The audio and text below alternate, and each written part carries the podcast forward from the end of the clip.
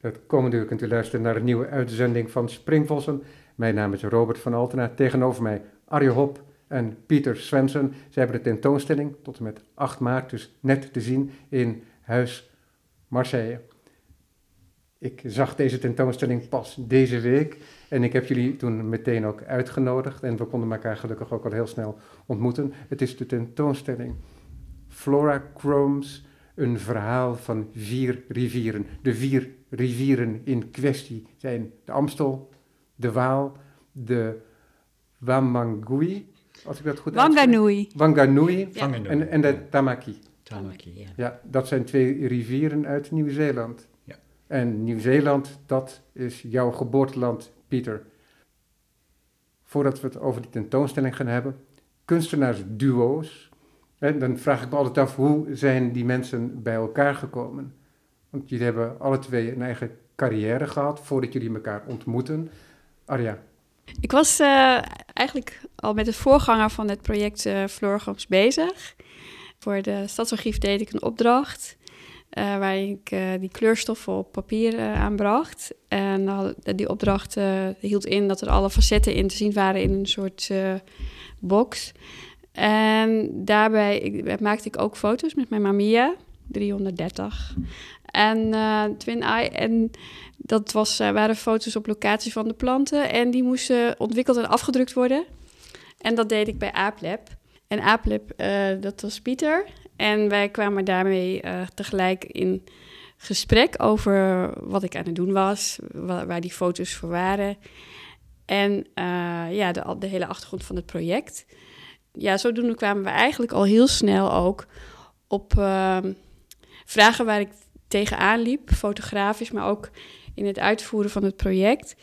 Ja, waarin we eigenlijk al gelijk in een soort intens contact kwamen, gevoelsmatig, maar ook in ideeën, eh, qua ideeën over, over het project. En ehm, ja, dat is eigenlijk de, de start van, het, eh, van de ontmoeting en van het samenwerken gelijk. Dus dat was eigenlijk, ehm, eh, eh, ja, wanneer was het? Eh, welk jaar? Weet jij het nog? 2015. Eh, ja, maar de eerste keer dat ik daar was met jou met de foto's. Ja, september 2014. Voor Ja. eerst mij belde Ja, van... ja, dus dat is eh, nu dus vijf en een half jaar geleden. Ja, inderdaad. Ja. Pieter, ik kende jou alleen van naam, omdat ik wat fotografenvrienden heb. En dat zijn mensen met wie jij werkte, want jij bent heel lang printer geweest. Ja. Die kennis, die komt ook mee zo in dat project. Dan is het nog niet heel vanzelfsprekend hè, als je je kennis deelt om ook daadwerkelijk te gaan samenwerken. Dat is een hele andere stap. Hoe was dat voor jou? Inderdaad, het voelde volkomen natuurlijk eigenlijk. Ik heb al ehm, in de mid-jaren negentig Zou besloten... je iets dichter bij de microfoon willen gaan Ja. zitten? Ehm, in, in de mid, mid-jaren negentig besloot ik eigenlijk om ehm, me volledig te gaan ehm, verdiepen in het eh, werken als eh, printer in plaats van zelf fotograaf zijn. Dat ik daardoor gewoon in collaboratie met fotografen veel meer gelegenheid eigenlijk om dingen te onderzoeken, ontdekken. Ik heb altijd een, ik heb een heel lange fascinatie gehad voor kleur als ma- materie. De manier waarop het. ehm wel, een van de dingen die me opviel. eh, mijn broer heeft in 1997 een zware ongeluk gehad. En ik liep in paniek naar huis. Eh, ik moest een vliegtuig pakken, meteen naar Nieuw-Zeeland eh, om er te zijn. En alles was groen. En ik snapte het niet. Waarom, waarom zag ik op dat moment groen? Ehm, en eh, ja, was ehm, ik ging eh, ook onderzoeken, eh, als ik een foto afdruk groen, roept dat dan ook het gevoel van verdriet en angst en paniek op. Ehm, ja, ik ging gewoon verder en verder dieper in, een soort ehm, onderzoek naar iets wat, waar je zeer weinig ehm, onderzoek in gedaan is eigenlijk. Maar die ervaring, dat, want jij ervoer dat alles groen was. Ja. Was dat dan een soort synesthetische ervaring die je had? Ja. Dus dat je een hele zware emotie ervaarde? Ja, En die emotie die maakte ook dat groen zich naar voren drong, als het ware. Dat Ja. was de kleur van jouw emotie. ja, mijn hersenen ging de beelden die in mijn hoofd waren processen tot een groenkleur. Eh, waarom dat was, weet ik niet precies. Maar ik begon, ja, begon ja, eh, best wel te denken over hoe dat werkt tussen ehm, je hoofd en de werkelijkheid. We zijn in het project die we nu doen eh, met de fluorochromes ehm, ehm, heel veel dingen tegengekomen eigenlijk die dat versterken. I mean, Ja, maar we komen gewoon ruim te spreken over de tentoonstelling. ja, ja, maar ja. we hebben het nog altijd over Pieter Svensson, die die ervaring heeft. Hè? Die zin-esthetische ervaring, zo noemen we dat nu maar eventjes in het gesprek.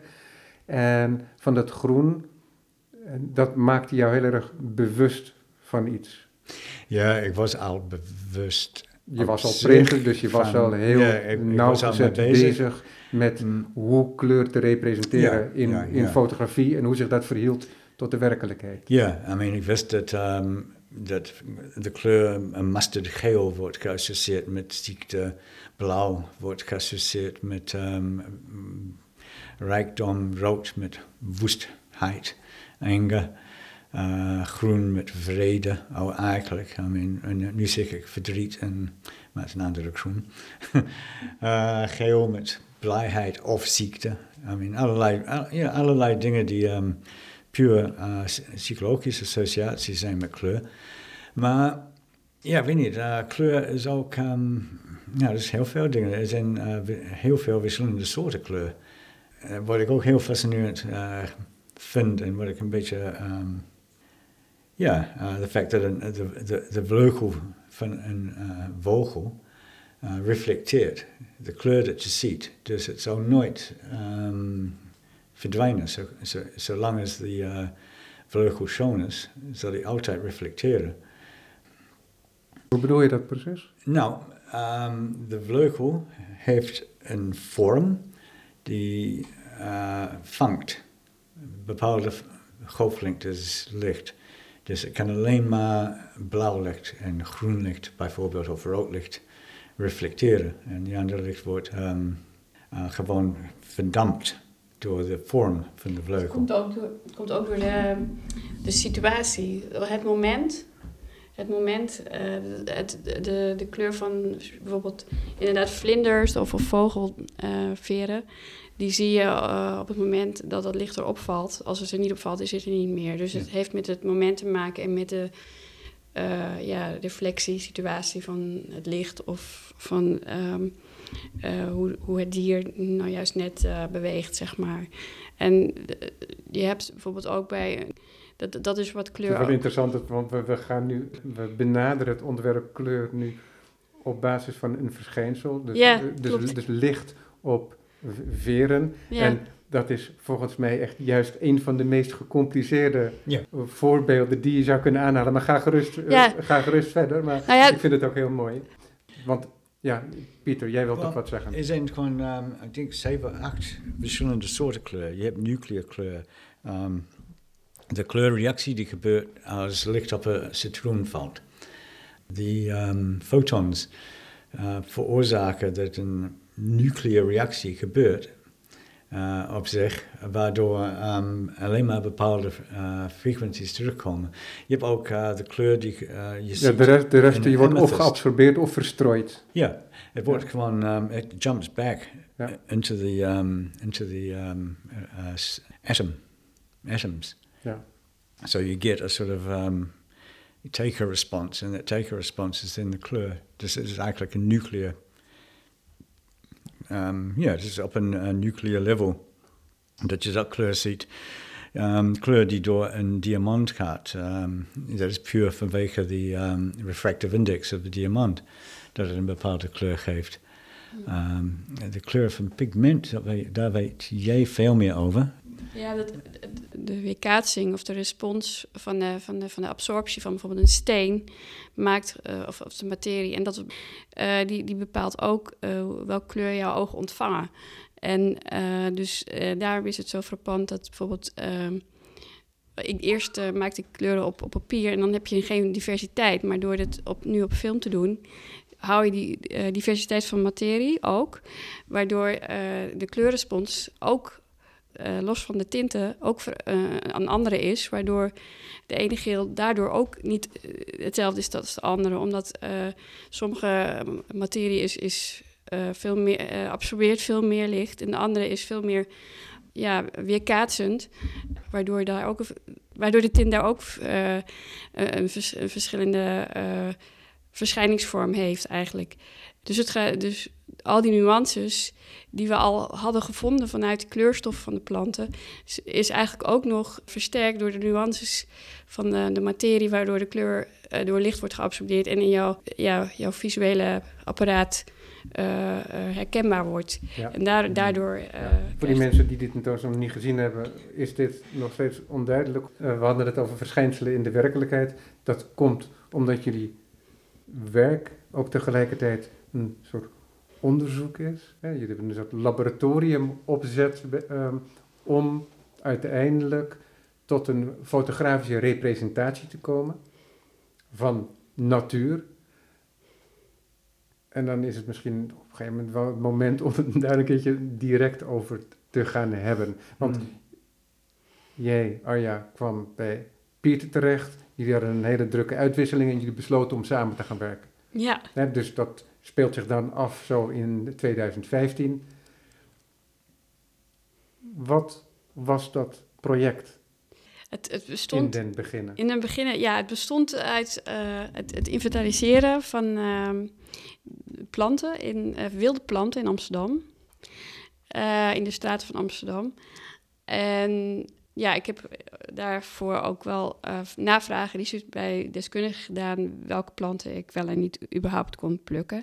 Maar het gaat erom dat ik dan planten vond die ik dan, uh, die hele normale uh, onkruiden, zeg maar, zoals noem maar iets, brandnetel en nog vele andere. en daar maakte ik van een, een kleine hoeveelheid materiaal van de plant, maakte ik kleurstof. En uh, dat was een inventarisatie puur op kleur van uh, ja, de wilde flora in Amsterdam. Dat is eigenlijk een, een soort uh, basisverhaal. En daarnaast was het al heel snel ook een verhaal over diversiteit, omdat aldoende kwam ik erachter dat er ja, een enorme diversiteit aan flora was in Amsterdam.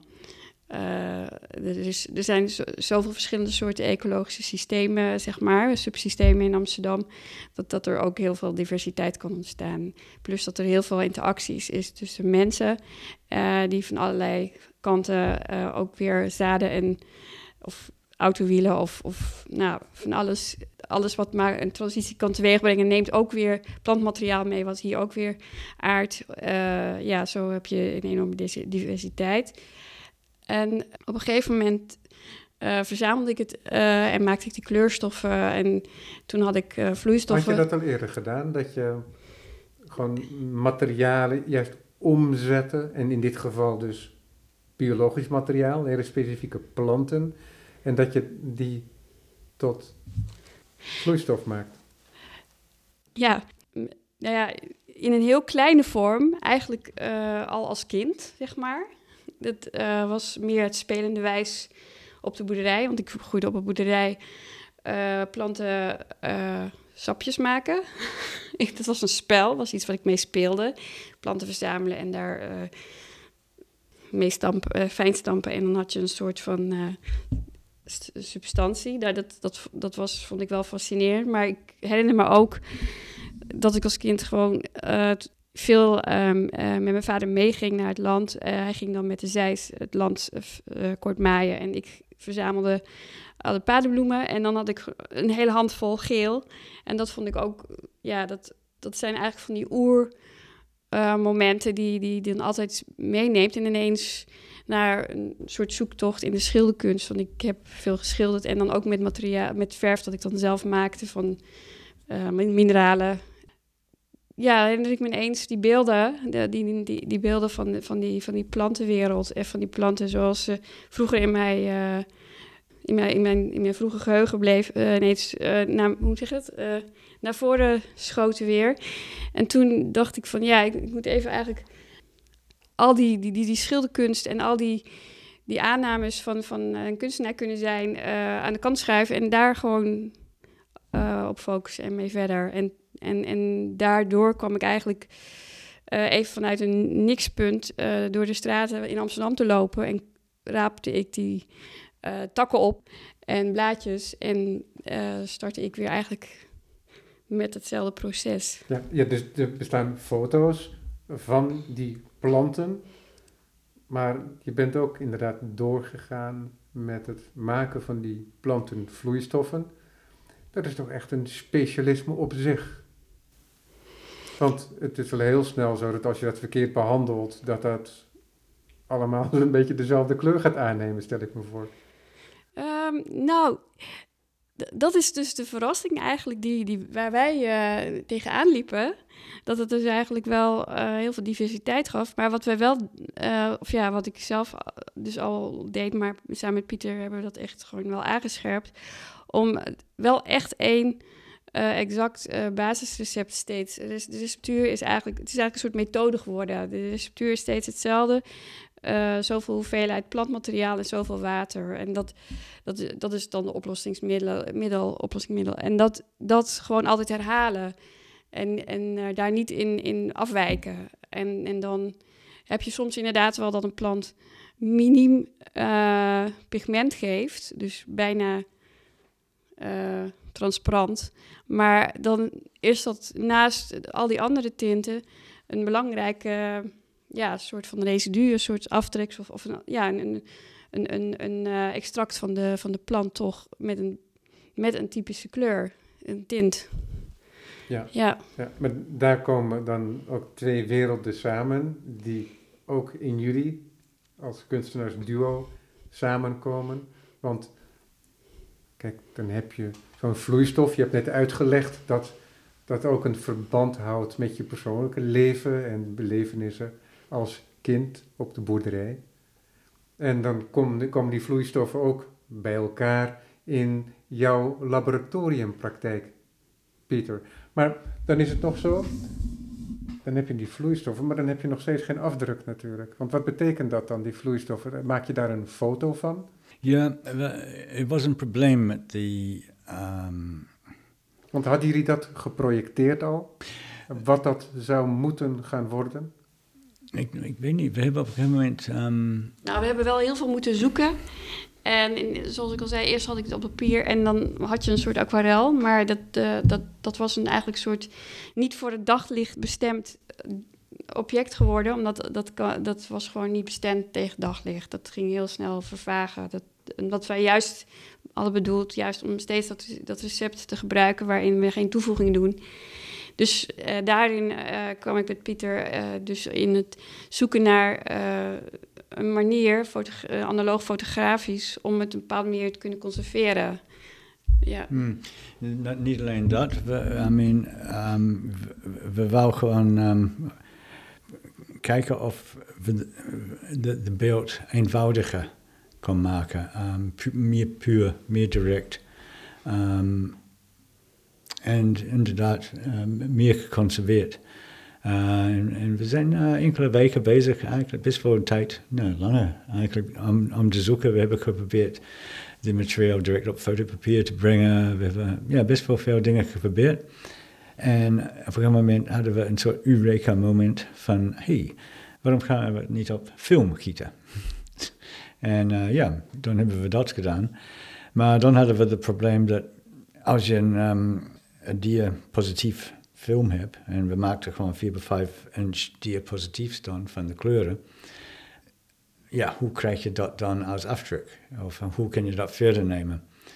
Uh, want um, alle materiaal waarvoor, waardoor je eigenlijk een um, uh, negatief en transparant kan maken zijn in jaar 2004, geloof ik, was de laatste internegatief film die op de markt was de Cibacone-proces is verdwenen. Uh, er, zijn nog steeds wat, er is nog steeds wat voorraad, maar het is allemaal een bezit van mensen die dat opgekocht hebben. En het is gewoon niet meer te krijgen.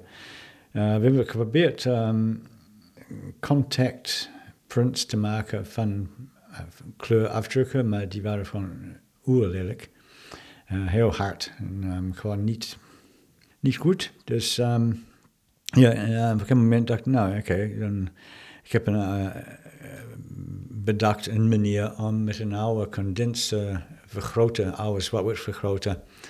En met een lichtbakker de kleur vergroten en een flits en een balg een camera te maken waardoor die uh, transparante overgezet kon worden op film. En als we dat eenmaal hadden, dan hadden we gewoon um, materiaal die we dan konden afdrukken. En um, ja, we, we, gebruiken geen standaard formaat. Uh, nee, want dit, dit, zijn allemaal dingen die je zelf dus moet uitvinden, ja. eigenlijk. En je links en rechts maak je nou. gebruik van dingen die al bestaan. Ja, maar, dus, maar je brengt ze op een andere manier bij elkaar en je zet ze in op een manier die je niet aangeleerd is. Ja, exact. I mean, ik heb niet de condenser. Uh, ik heb niet die uh, elementen uitgevonden, net zoals... Nee, ja. dat precies. Maar het is gewoon... Ja, ik had ze. Uh, omdat ik gewoon um, heel veel apparatuur heb. En uh, ja, ik had gewoon de mogelijkheid om uh, dingen bij elkaar te brengen, om het uh, te doen. Um, en omdat we het nu op fotomateriaal kunnen zitten, um, kunnen we um, kleurstoffen die binnen 10 minuten eigenlijk oxideren, toch vangen. Ja, want dat is een probleem waar we het inderdaad nog niet over gehad hadden, maar wat ik al in mijn achterhoofd had. Het is heel instabiel. Ja, ja, ja, ja. Nou, dat was de basis eigenlijk. Uh, een van de dingen, de basisdingen van het uh, gebruiken van fotografie. I mean, er is een, um, ja, een idee dat fotografie niet stabiel is, maar het is aanzienlijk stabieler dan um, plantaardige kleurstof. Ja. Um, de dingen die gebruikt worden uh, commercieel voor, voor kleuren van kleren, I mean, dat zijn een paar heel specifieke planten samenmordens die um, de, de, kleur fixeren, die wel bruikbaar zijn, maar het zijn niet heel veel. Ja, um, de beelden die we maken um, kunnen tot. Uh, nou, we stellen voor dat als, als een kleurfoto uh, in een donkere, in de donker ligt, in een goede temperatuur, kan die 2 tot 300 jaar volgens Kodak um, kleur echt blijven. Dus dat geeft, het, geeft ons gewoon uh, voor ons gevoel ruimte. In de Blazing Sunshine uh, wat minder, maar ja, als je iets in de Blazing Sunshine wil tonen, dan moet je een paar extra kopjes ervan kopen en in een la zetten. Dat uh, zo um, ja, verloop in tijd. Ja, ja, UV-filter of ja, ja mijn foto's, je kan, je kan heel weinig materiaal eigenlijk in blazing sunlight uh, ja, tonen. ik ben onlangs, had ik nog een opname in het Van Gogh Museum. En als je dat mooie rietveldgebouw inloopt nu, aan de buitenkant is het nog heel licht. Maar als je dan de kern van het gebouw betreedt, dat is allemaal afgefilterd. Ja wat, ja, wat, in wat met alle, al het materiaal natuurlijk, alles om je heen, alle materie om je heen. Maar wat, wat in een notendop in de plantenstof heel erg uh, te herkennen is, is inderdaad zuurstof en zonlicht zijn gewoon ook tegelijk de vijand. Want die gaan heel snel, uh, die, die, ja, die uh, hebben, maken heel snel een reactie met die kleurstof en veranderen het ja, tot een ja, uh, vaak bij uh, planten in een, in een potje vaak tot bruin, maar, of, of tot ja, een beetje beigeachtig. En um, ja, of, of gewoon vervagen. Maar, maar het kan ook zijn zoals bij sommige, en dat is ook wel weer interessant, um, zoals bij bijvoorbeeld de, de, vloeistof van de rode beukbladeren, die die hebben bijvoorbeeld in, in, een, vloei, in een vloeibare uh, hoedanigheid hebben zij, zijn ze haast magenta te noemen. Uh, maar zodra je het ergens opbrengt en, en, het, en er komt zuurstof bij en het droogt op, dan is het te kwaas. Dus het klapt om. Prachtig. Ja. ja. Zal ik, wil ik nog een keer een filmpje van maken? Ja. ja. dat is echt extreem. Dat is een extreem voorbeeld natuurlijk. Maar dat, is, dat zie je bij heel veel kleuren in een kleinere vorm of in een minder uh, sterke vorm wel ook terug. Ja. Het proces, uh, gedurende, ja, eigenlijk gedurende de, de vijf jaar dat we samen zijn, um, hebben we eigenlijk gewoon door te werken uh, op zo'n manier, hebben we enorm veel um, dingen geleerd eigenlijk. Uh, het is best wel um, ja, verrassend. Want het, is, ook, want jullie hebben dat, dat vaste procedé ontwikkeld met ja. een bepaalde hoeveelheid water en materiaal. Ja. Jullie hebben een manier gevonden om het fotografisch vast te leggen. Ja. Dat was een moment van triomf, stel ik me voor, in, in, jullie, in jullie parcours. Want, ja, totaal, want jullie bereikten eindelijk dat punt waarop je op een heldere manier uitdrukking kon geven aan datgene wat jullie aantroffen, waardoor het te delen was, hè, buiten jullie laboratorium, uh, met het publiek. Ja, en ook te tonen op een manier waarop je de vergelijkingen kon, de, kon zien. Uh, want um, de proces tot en met het afdrukken is constant. Bij het afdrukken dan um, komt het um, ja, dan wordt het ingewikkeld, want je moet het... Um, ah, dan wordt het pas ingewikkeld. Het is ingewikkeld, ja. nou, het is heel ingewikkeld. Um, we zijn denk ik achtergekomen waarom. En dat is uh, vanwege de bedenker van de naam Fluorochromes. En dat was een um, wetenschapper, wie zijn naam ik niet opkom op dit moment. Indiaanse, Indiaanse man in de jaren zeventig. Die ontdekte dat in de plantenkleur zitten twee heel specifiek um, uh, uh, spectro, yes, spectral weergave. Dus je hebt um, twee soorten kleur uh, in, in een plant, sap. En dat is in verschillende hoeveelheden. Um, dat um, neemt de film uh, waar op een andere manier dan wij. Ja, want daar hebben we het nog niet over gehad, inderdaad. Op dat moment dat je, jullie vinden een manier om het te onttrekken aan de planten, die kleur. Vervolgens vinden jullie een manier om dat fotografisch te representeren. Maar er is inderdaad ook nog het moment dat die kleur inderdaad op een bepaalde manier werkt binnen het fotografische proces. Hmm. Je hebt ook nog, uh, ja, dat heet dichromatiek. En dat is ook nog uh, zichtbaar in de kleur. En dat houdt eigenlijk in dat waar de vloeistof dikker is, um, of, of meer aanwezig, voller is, dan krijg je ook weer allerlei um, reflecties in die kleur. Waardoor bijvoorbeeld iets wat in het midden meer geelachtig is, is aan de randen eigenlijk weer meer roodachtig. En dat, dat, dus het is zo niet uh, constant uh, de kleur. Dit, dit, is eigenlijk een ja, haast levende kleur. Maar dat is ook een cadeautje, denk ik, voor jullie juist. Ja, ja. Het, het, het geeft heel veel. Um, het, sowieso is het een, ja, heel uh, bizar om in de plant te kunnen kijken, als het ware. Want je kijkt eigenlijk in de plant.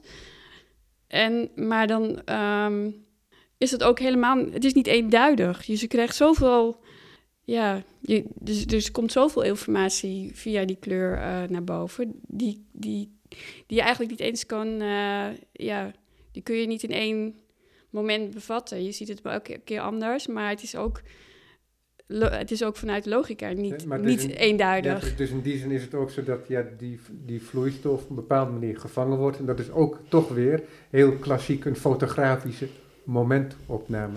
Ja. In die zin. Maar ik wil even terug naar iets wat Pieter aan het vertellen was. Want jij vertelde dus over een Indiase man, of een ah. man in ieder geval met een Indiase naam, ja, ja. die met die florachromes aan het werk is gegaan. En jij vertelde zojuist, ja, in planten heb je twee soorten kleuren.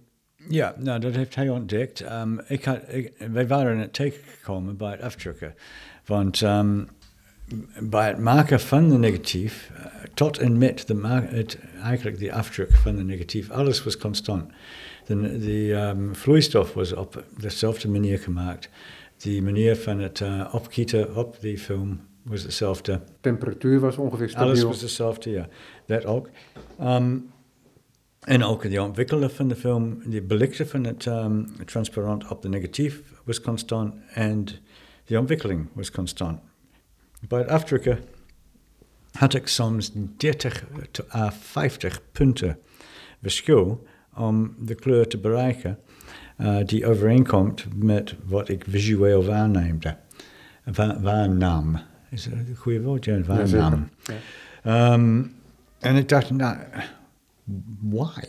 Dit is heel vreemd, you know? I mean, hoezo?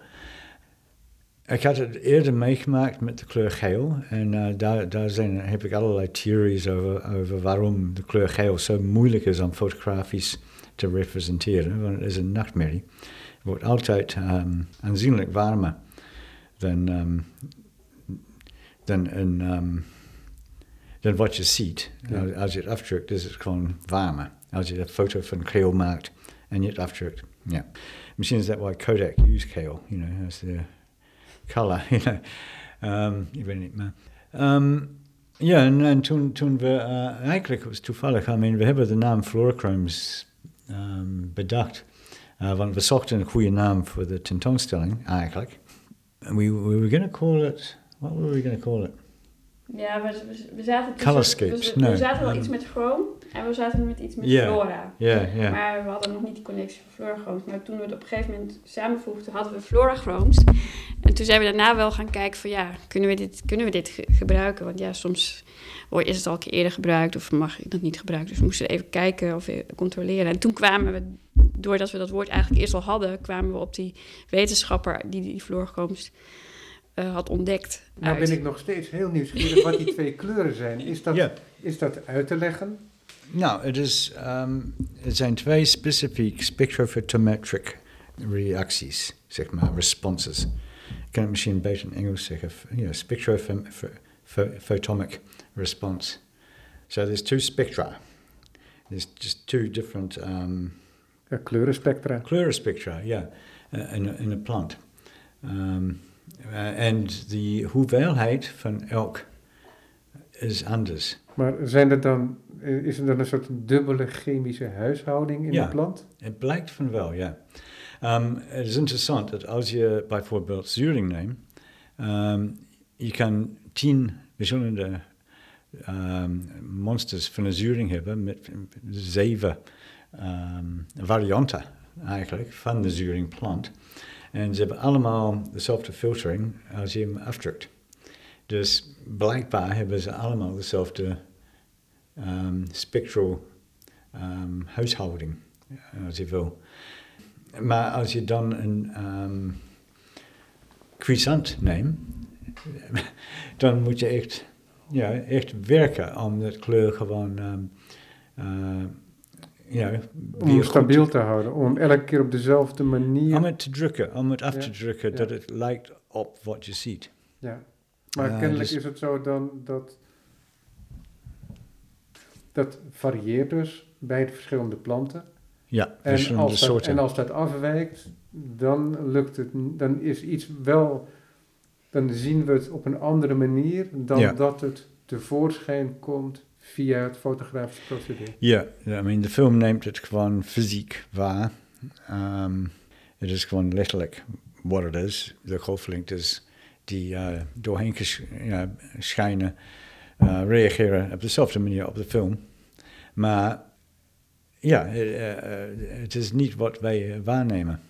We, we nemen iets heel anders. eh, Ja, we zien het heel anders. Het is best Ja. wel. eh, maar, maar en, eh, en, dan, en kijk, en dan sta je ook voor de keuze of je de fotografie volgt, hè? of je de techniek, know, of je de techniek gaat volgen Ja, Ja, ja, en dat als een representatie gaat beschouwen. Of dat je het helemaal gaat pushen. Hè, waar je het net over had, dat je al die Hmm. sprongen moest maken om het als het ware te corrigeren. En dat is iets wat jij van ouds, daar in, dat, in die fotolabs, wat je al die jaren hebt gedaan, altijd, goeie, heel altijd goeie, hebt, ja. hebt gedaan. Ja. Hè? Ja. Tenzij er af en toe een kunstenaar langskwam die iets heel anders wilde. Maar over het algemeen, hè, als de werkelijkheid gerepresenteerd moest worden, dan is dat wat je deed. Ja, dat is misschien wat we de volgende keer doen. maar dat is aanzienlijk makkelijker. Uh, maar, maar dus, ja, dus je hebt, jullie stonden op dat kruispunt maar waar begin je? En zo, uh, op Jullie, maar, maar jullie stonden dus op dat Ja. kruispunt. Ja. Want, um, Ja. want ik maakte Door het even wat onduidelijker door mijn toevoeging. Maar jullie kwamen op dat kruispunt dat je of inderdaad de techniek kon volgen van de fotografie. Ja. Of dat je inderdaad het weer dwong eh, in een richting waardoor het leek op wat je met je ogen waarnam. ja. En wat we hebben jullie daarin gedaan? We hebben wel besloten om de waarneem, wa- wat we, na, wat we Waarnemen? ja, Ja. waarnemen Ja, eigenlijk te menselijke, eh, representeren. ja.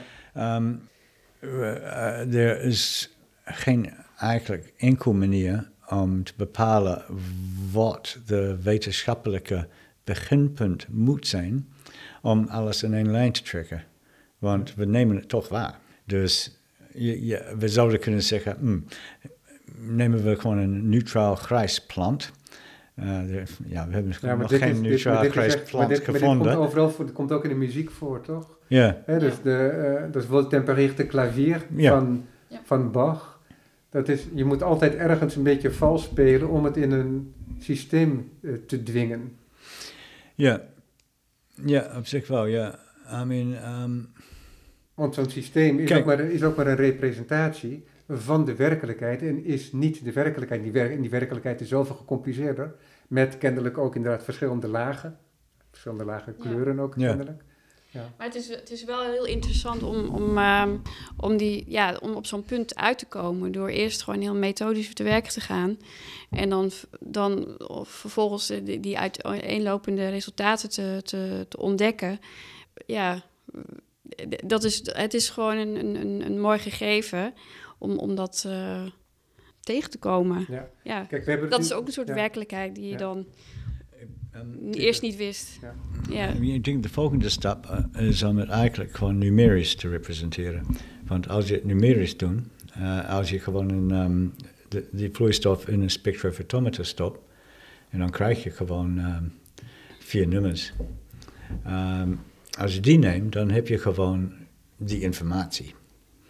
En ehm, dat willen we heel Ja. graag eigenlijk doen, ehm, als een soort counterbalance Ja. tot die, ehm, ja, de, perceptie, de perceptieve. Het verhaal van de perceptie en de, ja. de logica naast elkaar eh kunnen Eigenlijk leggen. naast elkaar eigenlijk. leggen, ja. En dat, dat, dan krijg je een- weer een dubbel verhaal. Ja, mooi. Ja. Ja. Mooi. Kijk, we hebben het nu over het prachtige proces. En dat is ook een heel mooi avontuur geweest voor jullie, denk ik, om te doen. Heel frustrerend ongetwijfeld bij tijd en delen. Maar uiteindelijk wisten jullie daar een heel mooi resultaat aan te ontlokken. En dat is ook te zien hè, in Huis Marseille. Dat is niet het enige wat daar te zien is. Want er zijn eh, schetsboekjes te zien. Er zijn ehm, allerlei verschillende eh, manieren van het maken van een foto worden er ook gebruikt. Die jullie ook daar laten zien. En dan is er ook nog een keertje die titel die ik net opnoem, een verhaal van de vier rivieren. Wat hebben de rivieren daarin voor rol? Ehm, ja, dat, dat is eigenlijk eh, voor ons eh, gevoel gaf dat een goede, een goede bodem aan het verhaal. Een soort beginpunt. Eh, de rivieren als, ja, kan je, als, een, als, een, als een symbool voor de voorvaderen, zeg maar. Het, het, het, ja, de, het, het, startpunt waar, waar de eh, civilisatie begon en waar ook de, ja, dus die steden die, waar wij, of die, die plekken waar wij geweest zijn, zich hebben kunnen ehm, ontplooien. Ja, dat is eigenlijk, daar, daar staat het voor. Ja, Ja, natuur als een ancestor. Ehm, op een bepaalde manier. Ehm, een manier om je relatie met natuur te equaliseren. Dat je niet ehm, als mens ehm, iets. Ja, dat je niet, niet boven dieren staan, niet boven planten. eh, ja, niet dat rivieren en bergen eh, minder belangrijk zijn dan mensenbelangen. Uh, dat is een soort indigenous ehm, eh, manier van kijken, wat we gewoon ehm, embrace. Uh, eigenlijk, het is, ehm, het is een filosofie. Uh, ik denk dat is een, uh, een van de aspecten dat interessant is, lijkt mij, is dat de Wanganui River, waar we specifiek heel veel werk gedaan hebben, was de allereerste rivier ter wereld die dezelfde rechten krijgt als een mens. En nu zijn er drie... De rivier heeft dezelfde rechten als de mens. Die kan, die kan je eigenlijk voor de rechter slepen als je ja, ja. hem beschadigt. Ja, dus dat is eigenlijk een verhouding tot de natuur die, hè, zoals je zegt, de, de oorspronkelijke bewoners met die omgeving hadden. Ja. Hè, een relatie tot de natuur. Die heeft nu ook een plek gekregen binnen de juridische wereld ja, eigenlijk. Ja, het is, is fantastisch. Gek, ja, het is een heel mooie uh, stap voorwaarts eigenlijk. Er zijn nu drie, is de, um, de Waikato en de Wangahu River hebben ook uh, dezelfde rechten gekregen. Dus nu zijn er drie rivieren. Uh, volgende stap, of course, is de bergen en de bos natuurlijk. De bos heeft al eigenlijk een beschermer en dat is de Department of Conservation. Maar um, nou, ik denk dat het een uh, heel belangrijk stap voorwaarts is uh, in het uh, herstellen van de schade die gedaan is aan het natuur. Wat, ja, wat ook interessant is trouwens, is dat jullie enerzijds met een natuurlijke chemie werken, van de planten, en jullie hebben het al gehad over hoe zuurstof en zonlicht, UV, daar een uitwerking op kunnen hebben. En anderzijds werken jullie ook met industriële chemie namelijk van het fotografische procedé. Ja, nou, we doen dat bewust. Het zijn natuurlijke dingen, het zijn elementen, uh, het is, um, zijn chemicaliën, het is um, uh, thiosulfiet. Het is gewoon iets wat um, van de natuur is. I mean, die kristallen van een foto zijn gewoon metaalkristallen. De manier waarop we mee omgaan is zeer, ja, gewoon milieubewust. We, we, we zorgen gewoon dat niks, uh, you know, niks in een verkeerde plek komt. Ja. Um, en het is heel duurzaam. Um, het is, we maken, als, als, als kunstenaar maak je als fotograaf objecten die 200 jaar eigenlijk goed zijn. Er zijn weinig Toyotas die over 200 jaar nog goed zijn. Ik heb een Renault, die is 20 jaar en die is al stuk. Ja. Als je begrijpt wat ik bedoel. Ja. I mean, it is, ja. ik zie je point. I mean, nee, nee, maar dat is, ik wil geen punt maken. Alleen, ik hmm. wil alleen maar zeggen dat ook daarin twee werelden elkaar ontmoeten. Ja. Dus het was niet ja. een, een, kritische noot zo van, nou jullie hebben het zo over die mooie natuur en de rechten van die rivieren, maar tegelijkertijd vervuilen jullie de hele wereld met wat jullie doen. Dus, dus dat, was, dat was niet mijn achterliggende gedachte, maar ik vond het juist een hele mooie um, symmetrie die daar, uh, yeah. die daar plaatsvond en twee werelden die elkaar daarin ook ontmoeten. Ja, we gebruiken voilà. inderdaad juist analoog um, fotografie uh, omdat het um, gebruikt gewoon licht en metaal uh, om, om beelden te maken die gewoon heel lang uh, goed blijven ja. eigenlijk. Kijk. Ja, in, in, in een bepaalde mate, als je uh, de plantenstoffen zou analyseren, dan, dan zou je in een bepaalde mate dus ook soortgelijke stoffen daarin terugvinden. Er zijn, je hebt zo, juist ook de zuring die we, waar we het net over hadden, die kan ja, in principe goed uh, leven op uh, een, bodem met zware metalen. En ik kan het ook transformeren. Uh, dat is ook een reden waarom soms zuring, wat ook wel eens gegeten wordt, niet altijd eetbaar is. omdat, omdat die vol kan zitten met ja, zware metalen. Maar de, dus het, het, het, het, is een, een, maar natuurlijk een hele ja, kleine mate. Maar het is wel. Ehm, er komen, dus het is echt wel ook wel een, uh, op, op materieel niveau wel een, wel een samensmelting. Uh, ja, de plant he, heeft ook eigenschappen om een soort chemische fabriek te zijn. Uh, reageert ook weer zelf op licht en zuurstof. Er zijn zoveel parallellen eigenlijk die, die, ja, die samenvallen, wat, wat ook voor ons ja, we zeggen, ja, dat klinkt een beetje suf, maar motiverend werkt om, om het, om het, om het uh, verder te onderzoeken, omdat het steeds zo blijkt te kloppen. Ja, dat begrijp ik heel goed. Kijk, uiteindelijk is het ook zo dat jullie doen dat allemaal en jullie hebben ook toch ergens in je achterhoofd gehad dat het ook gedeeld moet worden. En dat het uiteindelijk dat er een beeld moet komen. Daarom was dat Eureka-moment ook, dat jullie een manier vonden om datgene wat jullie aantroffen in jullie laboratorium, om dat te kunnen delen met mij en een groter publiek. En vervolgens dus ook um, om dat tentoon te stellen. En dat is wat jullie nu doen. Hebben jullie daar heel snel een vorm voor gevonden? Want jullie, laten we zeggen, hebben een soort seriële representatie ook? Ja, wat wat we van het begin al veel deden, was al die methodieken. Dus uh, die, die, die, die, die, kleurstoffen op uh, die, die, die vlakken waarin die kleurstoffen nu te zien zijn, dat is uh, direct afgeleid van de maat van een 4 x 5 vlakfilm. Dus daar hebben we eigenlijk niet veel over verzonnen, maar dat is gewoon een, een, een logisch gevolg daarvan. En ja, ook een logisch gevolg van hoe bijvoorbeeld de Amsterdam-serie daar hangt, is we hadden die hoeveelheid en we hadden die ruimte en hebben uitgerekend hoeveel er dan op die wand paste.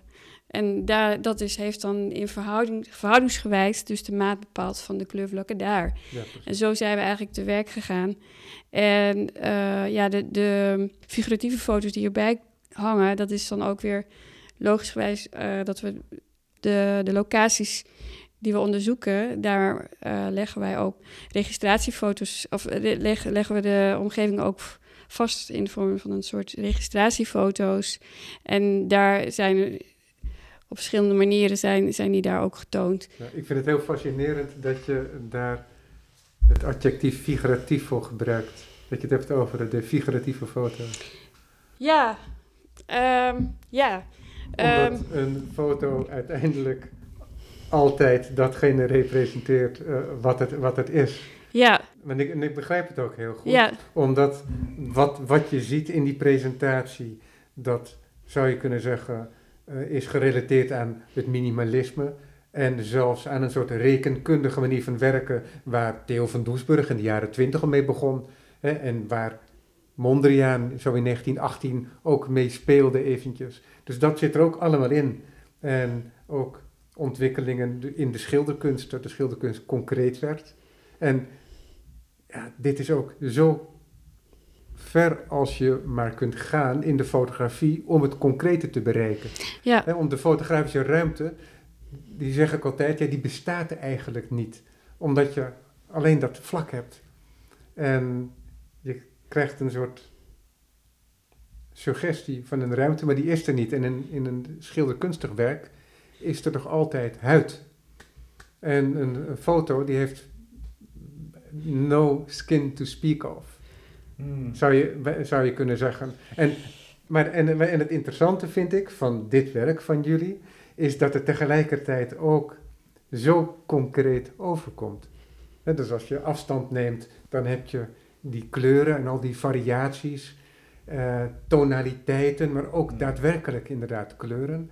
En als je dan dichterbij komt, dan zie je de vloeistoffen en ook de verschillende kleurnuances in, de, in, in, de variaties inderdaad ook, van, de, van de dikte van de vloeistof. Ja. maar daarom moest ik ook lachen ja, ik snap, om, uh, ik snap jouw het. gebruik inderdaad ja, van uh, ik, ik zat te denken, hoe ga ik het zeggen? En dat, ja... Uh, uh, ja, de, de, kleuren die hebben. Ja, als je dat nog niet eerder gezien hebt, moet je daar wel aan wennen van wat is het. Terwijl um, de foto van, de, van een hoe uh, ja, gefocust minimaal stukje van de stad ook, zou je nog bijna nog altijd nog wel kunnen herkennen waar die genomen is en op ja, en, en welke plant het is en welk, muur, welk bruggetje het is, van spreken.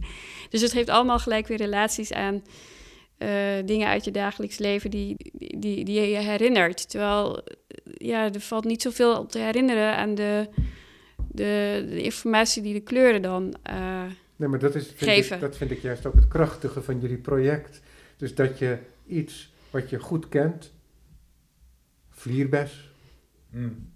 Ik heb er ook eentje onder mijn keukenraam. Een vlierbes. Ja, Maar dat je die op zo'n manier ziet zoals je hem nooit zou zien. Ja. Wat dat is. Ik heb een keertje een gesprek gehad met een kunstenaar, ehm Navid Noor. En die was zo gefascineerd op een gegeven moment door de mogelijkheid om, het, om een boom te smelten. Dus dat je hem niet verbrandt, carboniseert. Hoe hij dat heeft gedaan, dat heeft hij me niet verteld. Maar hij haalde uit zijn zak een object, dat legde hij tussen de microfoons neer op tafel. En ja, dat was echt een prachtig eh, brok met groene en witte, een mineraal. Wow. En hij zei, ja, dit is een, nou, het was uit elkaar gevallen, dus hij had twee grote brokken, hij had één van die brokken meegenomen. Dat past hè, in de kom van je hand. Fascinerend. ja, Inderdaad ook. Maar, dus, maar hij kon me dus, dat vond ik dan jammer, hij kon me niet vertellen wat voor boom het was geweest. Ah, ja. Maar wel zag je dus een residu van een boom zoals je hem nog nooit hebt gezien. En Ja. dat roept de verbeelding wakker. hè. Dus ook dat idee, en dat doet jullie werk ook, dat datgene wat we allemaal zien elke dag en wat we voor lief nemen. Hè, een zuring neem ik wel voor lief, denk ik. Daar heb ik niet heel veel aandacht voor. Maar dat je die opeens op een manier ziet die je helemaal niet kent. En Mhm. ja, als je erop gewezen wordt dat je iets niet kent of dat je iets niet weet, wat je denkt te weten, dat zijn altijd hele mooie momenten. En dat Ja. doet jullie werk Ja. natuurlijk ook. ja, Ja, dat, dat Ja. er een wereld eh, om je heen is ehm, die gewoon net onder een groene weel ligt.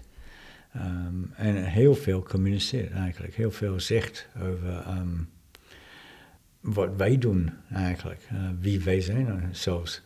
Maar zeker eh, hoe wij ermee omgaan, eh, dat is te lezen in die ehm, respons, eigenlijk, de kleurrespons. Ja, want ook weer die, dat eenvoudige voorbeeld, eh, Arja, wat je aanhaalt zojuist van de zuring, inderdaad, dat, er, komen ook metalen voor in de omgeving, maar in Ja. de stedelijke omgeving is het vaak onverstandig om een groentetuintje te hebben, omdat Klopt, daar, ja. ik weet niet wat, in de grond kan zitten. En Mhm. zo'n zuring, die draagt dat als het ware hè, in zijn portret, ja. hè, in het portret dat jullie van hem maken.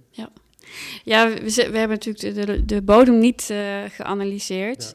We zitten nog te denken hoe we misschien nog meer eh, context kunnen vinden, informatie kunnen eh, meenemen als we weer een project doen. Maar we hebben wel al een start gemaakt met die zuring. En heel, een heel eenvoudig voorbeeld is twee zuringen, zelf, dezelfde soort, dus ridderzuring. Eh dezelfde ondersoort. En dan eh, eh, in het, eh, op Flevoland, waar de zuring eh, hoog was, een, een soort van ja, makkelijk leven had in, de zin om te, eh, in die zin om te groeien, eh, geen, niet, niet te veel eh, ja, eh, moeilijke omstandigheden. En ja, dus was een grote robuuste plant en die gaf een soort eh, oranje tint. En we hadden een, ook een ridderzuring uit de botlek. Die, we moesten heel hard zoeken om überhaupt nog een zuring daar te vinden. Maar we vonden er eentje bij een eh, elektriciteitshuisje, zo een beetje in de gluten. En eh, nou ja, op het moment dat we daar buiten stonden, was al, voelde al niet fijn voor onze ogen en onze longen.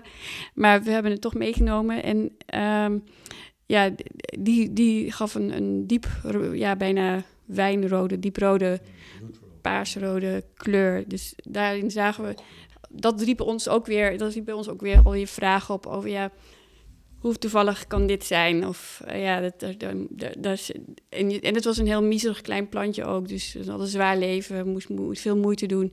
En het is wel bekend van dat, dat, dat planten eh, een, een veel intensievere plantenstoffen aanmaken, 's winters, dan, dan als het eh, ja, in, in, in koud weer, dan- of ja, in een winterse klimaat dan in een herfst- of lenteklimaat, zeg maar. Dat, is, dat, daar is wel van alles ook wel over bekend dat dat invloed heeft. Zoveel variabelen. Hè, want jullie kunnen Mhm. inderdaad de condities redelijk controleren in jullie laboratorium. Hè. Al heb je ook nog met, met zoiets als luchtvochtigheid te maken en dergelijke. Ja. Maar hè, binnen bepaalde limieten. Maar daarbuiten is er zoveel gaande inderdaad. En het gekke natuurlijk is dat jullie een, in een beeldend traject zitten. Hè? Want uiteindelijk is dat het doel. Maar tegelijkertijd is die weg daar naartoe, die is ook van heel groot belang, denk ik ook. Maar zo ook, denk ik, als ik jullie nu hoor spreken over wat je zou kunnen aanpassen, hè? wat jullie interesseert om te zien wat voor omstandigheden van invloed zijn op zo'n portret van een plant, Mhm. hè, als ik het zo mag noemen. Dat is een soort encyclopedisch onderzoek wat Mhm. jullie nog voor je hebben liggen. Jullie zijn nog lang niet klaar. nee. Ah, kijk, ja, je wijst ook inderdaad hier naar een prachtige atlas. Ja. Ja. De Digital Atlas of Economic Plants. Ja, dat, ik weet, daar zijn we ooit aangekomen. Vier dikke delen. Nou, het is gewoon heel interessant. I mean, um, het is de learning curve wat we niet verwacht hadden eigenlijk. Uh, we, we, we, we, we, we krijgen de kans om uh, het Zuid-Hollands duingebied um, te onderzoeken door het um, Museum Vollinder heeft ons uh, toegelaten om uh, daar op dat landgoed uh, te werken. En uh, toen hebben we voor het eerst, zijn we voor het eerst tegengekomen het verschil tussen uh, planten die onder stress zijn en planten die het makkelijk hebben. Want die tuin die aangelegd was tegelijkertijd van de opening van het museum, um, heel goed, um, what's the word, fertilized? Uh, Vrucht, vruchtbaar. ja, ja, gewoon heel erg uh, vruchtbaar grond. Al die planten in dat tuin hadden een super faal kleur. Al waren ze super mooie planten, super mooie bloemen. Um, um, en het ging um, richting die duinen, in het duingebied, na een vorstperiode, uh, hadden we insane, uh, echt intens felle kleuren. En uh, toen dacht ik hé, hey, you know, dit is, nou, ja, dit is iets wat, um, hmm, interessant is. Um, maar maar ik, moet, ik, moet jullie, ik moet je echt onderbreken, want we zijn echt aan het einde van het uur beland. Ja, ja, maar ja. dat is dus een traject wat jullie nog helemaal ingaan en verder gaan onderzoeken ook. Ja, ja. ja. ja we staan aan het begin van de plantenonderzoek. Nou, Ja. De tentoonstelling dus. Flora Chromes, een verhaal van vier rivieren van Arje Hop en Pieter Svensson is tot en met 8 maart te zien in Huis Marseille. Als u dit niet op tijd hoort, dan is het nooit vergeefs natuurlijk, want er zijn altijd andere momenten waarop het werk van hen te zien zal zijn en er komt ook nog zoveel meer. Ik dank u voor het luisteren, Arja en Pieter, dank voor dit gesprek. Ja, u ook bedankt. Ja, dank je ook wel.